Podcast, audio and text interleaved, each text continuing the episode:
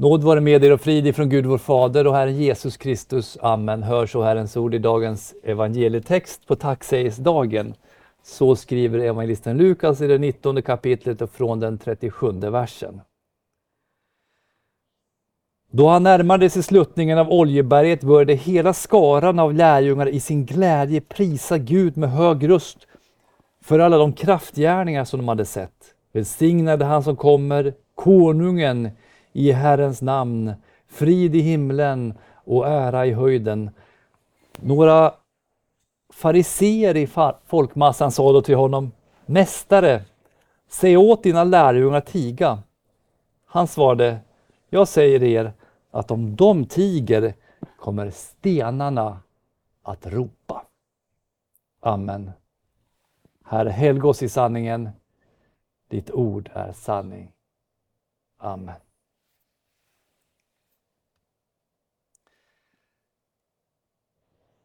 Är vi så försiktiga med att visa vår tacksamhet till Gud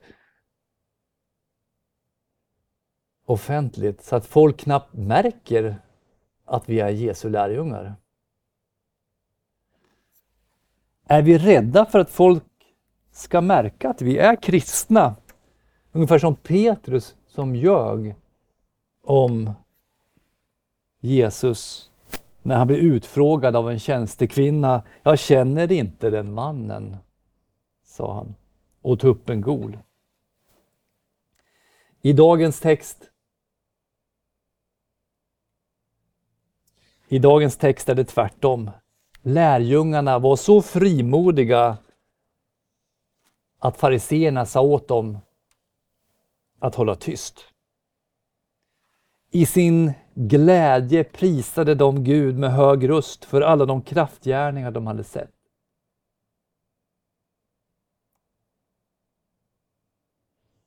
Och det var inte ett slutet rum. Inte i en kyrka, inte i en konsertsal. Var var det någonstans? Det var på väg till Jerusalem och det var under påskveckan. Tänk dig karnevalen i Rio eller 17 maj i Norge eller kanske, kanske Valborg i Uppsala. Hela stan fylld med folk.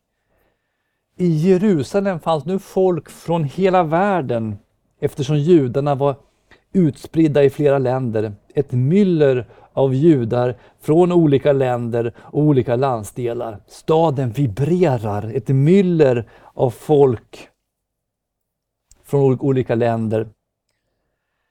Handlarna har fyllt sina hyllor med varor.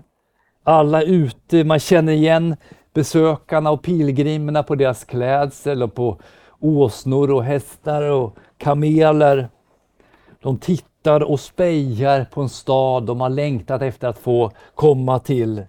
Försäljarna säljer sina varor, kläder, mat. Några och sitter och växlar pengar. Det är ju valuta från hela världen.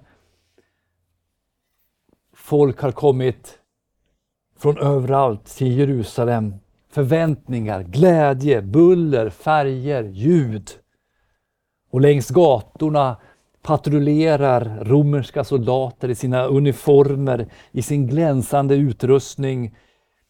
Man söker med blicken bland skarorna efter kanske någon som uppviglar mot den romerska överheten, någon som talar emot kejsaren. Och bland skarorna, fariseerna, finklädda, gudfruktiga judiska män som väntade på ett tillfälle att sätta dit Jesus för någonting. Fram tills nu hade lärjungarna varit efterföljare, elever, lyssnare, men inte mer än så. De följde lärjung, äh, mästaren, de lyssnade, de lärde passivt och så hade man gjort i tre år i vandringarna över hela Israel. När han diskuterade med de judiska ledarna så lyssnade de, kanske chockerade, när han eh, samtalade med den samaritiska kvinnan vid Sykar så lyssnade de och kanske ryste. När han agerade mot fariseernas tolkning av sabbatsbudet så Kanske de kröp ihop när han sa i sina tal att de första ska bli de sista och de sista de första så kanske de tittade runt bland de som lyssnade. När han rörde vid de leprasjuka och gjorde dem friska eller gav blinda syn och döva hörsel så kanske de viskade till varandra med fascinerad beundran. Men nu händer någonting med lärjungarna när Jesus tillsammans med dem kommer ridande mot Jerusalem under denna internationella festdag med judar, judar från hela världen. De flesta är där för påsken. Soldaterna är där för att upprätthålla den romerska freden med svärd vid sin sida och spjut i sina händer. Judarna är angelägna om enheten kring tempelkulten. Romarna värnar om lojaliteten mot kejsaren. Lärjungaskaran har en helt annan lojalitet. Deras hjärtan är uppfyllda av en större verklighet.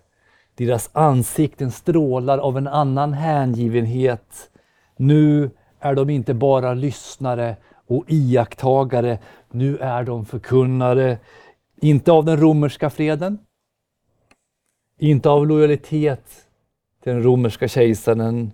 Då han närmade sig sluttningen av Oljeberget började hela skaran av lärjungar i sin glädje prisa Gud med hög röst för alla de kraftgärningar de hade sett. Välsignad är han som kommer, konungen, i Herrens namn, frid i himlen och ära i höjden. Nu är de inte privata, utan offentliga. Nu är de inte hemliga, utan öppna. Jesus hade sagt, vad jag säger till er i mörkret ska ni säga i ljuset och vad ni hör viskas i ert öra skall ni ropa ut på taken. Det skulle komma stunder då de inte var lika frimodiga. Tiden då de flydde för den judiska tempelvakten som tog Jesus fången. Tiden då de gömde sig bakom låsta dörrar. Tiden då de förnekade, men idag ropar de ut lovprisning av Messias, av Kristus, av honom som skulle komma i en sång som var tagen ur en psalm de hade sjungit i synagogan. O Herre, fräls! O Herre, låt allt lyckas väl. Välsignad var det han som kommer i Herrens namn. Vi välsignar er från Herrens hus. Herren är Gud och han gav oss ljus. Ordna er i högtidsled med lövrika kvistar i händerna fram till altarets horn. Du är min Gud, jag vill tacka dig min Gud, jag vill upphöja dig. Tacka Herren, ty han är god, ty hans nåd varar i evighet. Psalm 118. Idag firar vi tacksägelsedagen. Precis som lärjungarna har vi också kanske dagar då vi andas frimodighet. Då vi för vår del inte kan tiga om vad vi har sett och hört. Och dagar då vi inte är lika frimodiga utan mer tysta. Vad var det som gjorde att de plötsligt nu brister ut i lovsång och tacksägelse? När han rider in så erinrar de sig skriftens ord och när de tänkte på att skriftens ord nu går i fullbordan så uppfylldes de med glädje. Vad var det för skriftens ord de tänkte på? När han red på åsnan. Ja, Sakarja hade skrivit över 500 år tidigare. Fröjda dig storligen, du Sions dotter, höj jubelrop. Du Jerusalems dotter, se din konung kommer till dig, rättfärdig och segerrik är han. Han kommer ödmjuk, ridande på en åsna, på en åsninnas föl. Då började de i sin glädje prisa Gud med hög röst för alla de kraftgärningar de hade sett.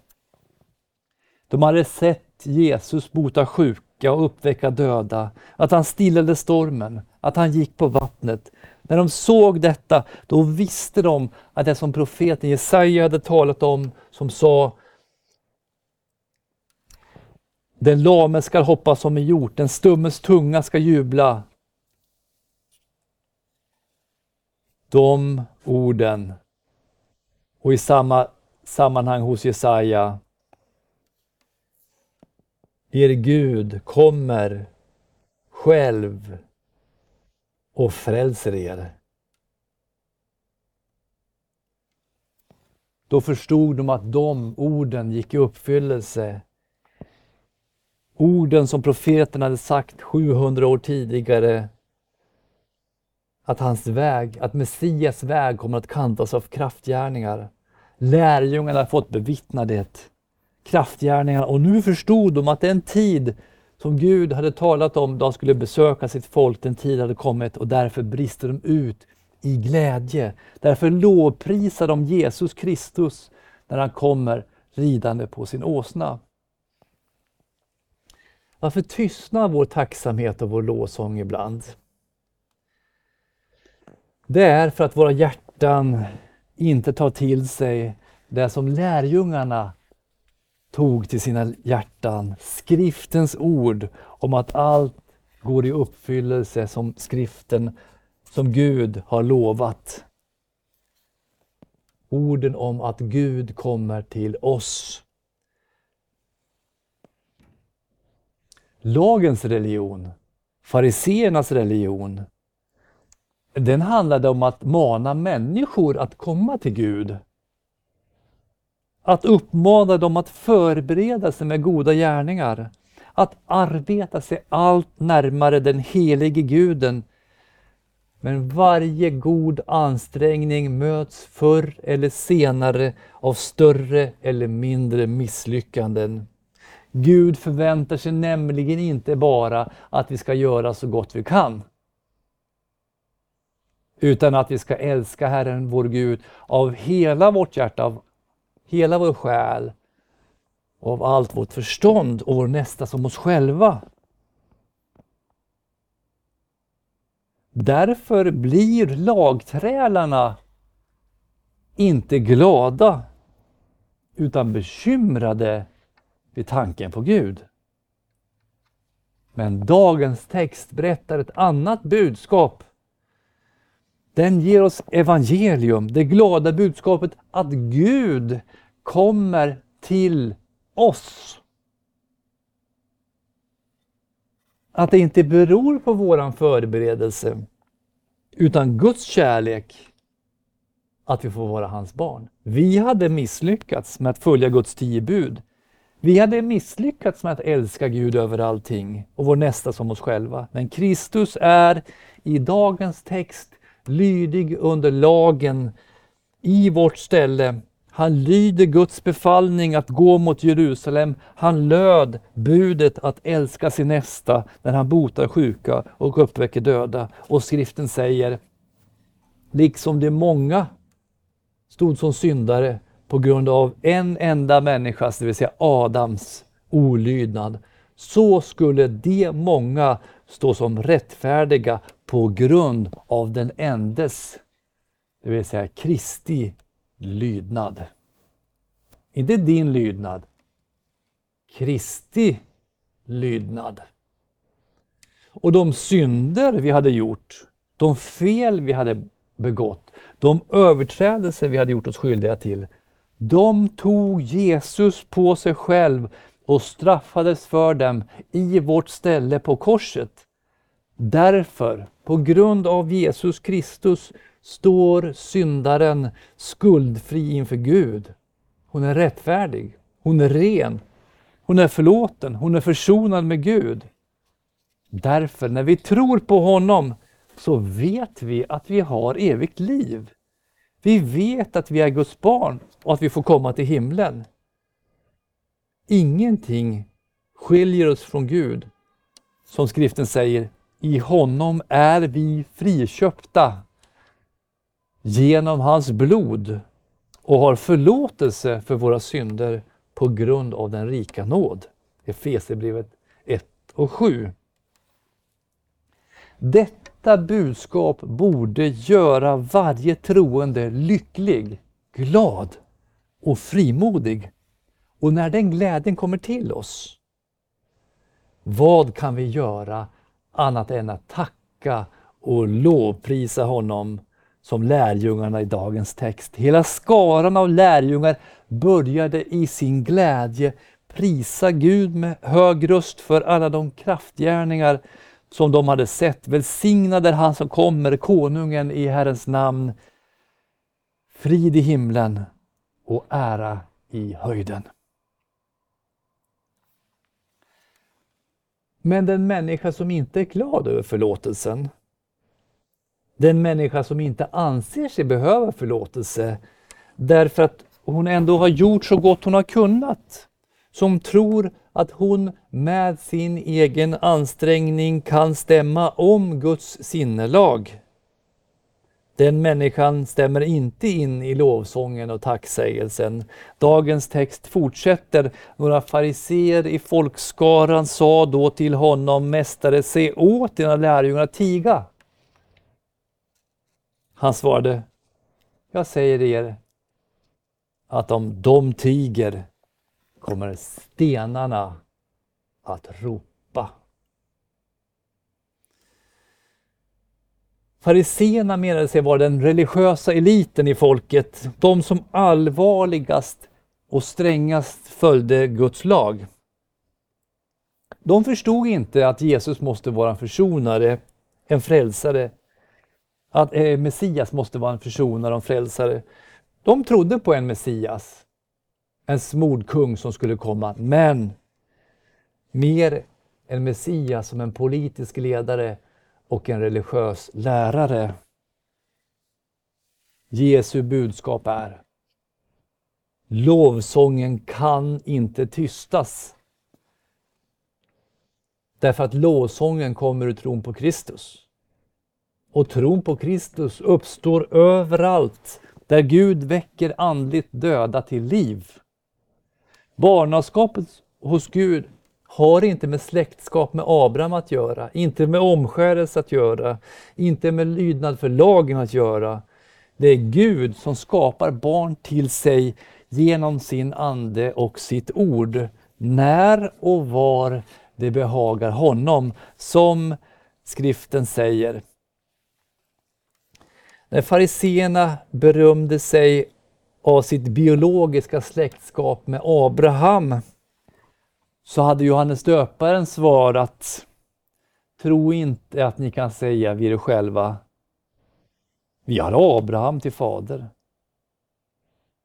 Jag säger er att Gud av dessa stenar kan uppväcka barn åt Abraham. Det vill säga frälsningen ligger inte i vår hand, i vår vilja och våra beslut, utan i Guds hand.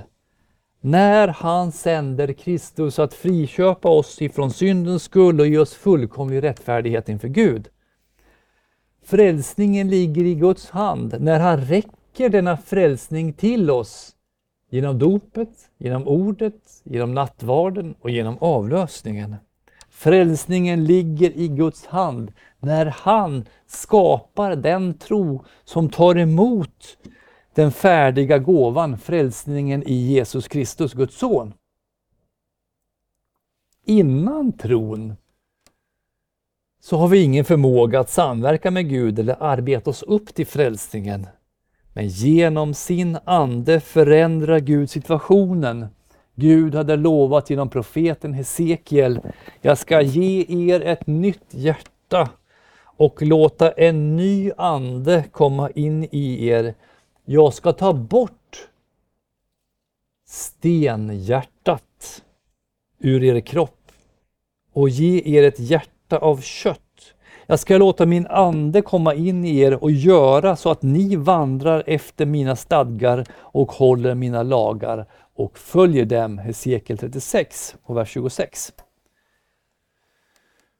Och när vi är förändrade människor, när vi lever i tron på Kristus, då föds den tacksamhet och den lovsång som hör till Guds barn, som aposteln Petrus skriver. Men ni är ett utvalt släkte, ett konungsligt prästerskap, ett heligt folk, ett Guds eget folk, för att ni ska förkunna hans härliga gärningar, han som har kallat, er från, kallat er från mörkret till sitt underbara ljus. Ni som förut, förut inte var ett folk, är nu Guds folk. Ni som inte hade fått barmhärtighet har nu fått barmhärtighet. Idag sjunger lärjungaskaran Välsignad är han som kommer, konungen i Herrens namn, frid i himlen och ära i höjden. Det är ungefär samma lovsång som vi sjunger varje söndag. Ära vare Gud i höjden och frid på jorden till människor, hans välbehag. Det är också samma sång som Eh, änglarna sjöng vid Kristi födelse. Men vi tackar och lovprisar Gud inte bara med våra munnar. Och jag ska ta upp tre sätt som vårt liv kan bli en lovprisning till Gud genom. Tre delar i vår lovprisning till Gud. Välsignad är han som kommer, konungen. Frid i himlen och ära i höjden. Konungen, frid och ära. Konungen. När vi ställs inför val i livet och vi väljer det som Kristus vill och inte det som tillfredsställer oss själva. Till exempel när vi ger till kyrkan och församlingen av, av oss själva, vårt eget goda, våra tillgångar, vår tid, vår förmåga, våra krafter. Då lovprisar vi Gud som kung i våra liv. När vi väljer att avstå från en njutning som Gud inte vill ha, men som vår egen natur trängtar efter, då bekänner vi att det är Kristus som är kung i våra liv, inte vi själva. Många kristna frågar, hur ska jag leva som kristen? Svaret är Lev på ett sätt som visar att Kristus är din kung. Han som avvisade Satans frestelser och visade sann kärlek i handling. Då sjunger våra liv Välsignad är han som kommer, konungen. Lärjungarna sjunger också Frid i himlen. Och det är verkligen goda nyheter vi lovsjunger. Vi var fiender och ovänner till Gud sådana vi föddes till den här världen. Men Gud beslöt att låta hela fullheten bo i honom och genom honom försona allt med sig sedan han skapat frid i kraft av blodet på hans kors. Frid genom honom, både på jorden och i himlen. Vi har alltså frid med Gud genom Jesus Kristus och tron på honom. Och har vi frid med Gud genom Jesu Kristi kors, då kommer han inte att hålla våra fel och överträdelser emot oss på den yttersta dagen. Vi är ju förlåtna. Och den frid vi äger genom Jesus Kristus, den lovprisar vi i våra liv genom att äga samma frid gentemot våra medmänniskor. Vi kan förlåta och vi kan dra ett streck när min broder eller syster eller min nästa trampar mig på tårna.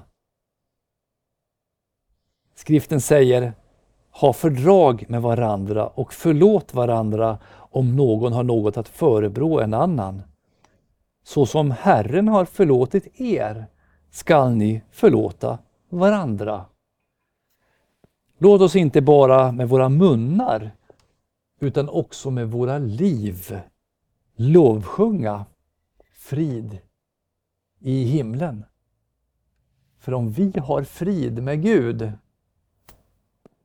så ska våra liv uttrycka frid gentemot våra medmänniskor. Eller hur? Och till sist sjunger lärjungarna Ära i höjden. Eller som änglarna sjöng Ära vare Gud i höjden. Det betyder samma sak.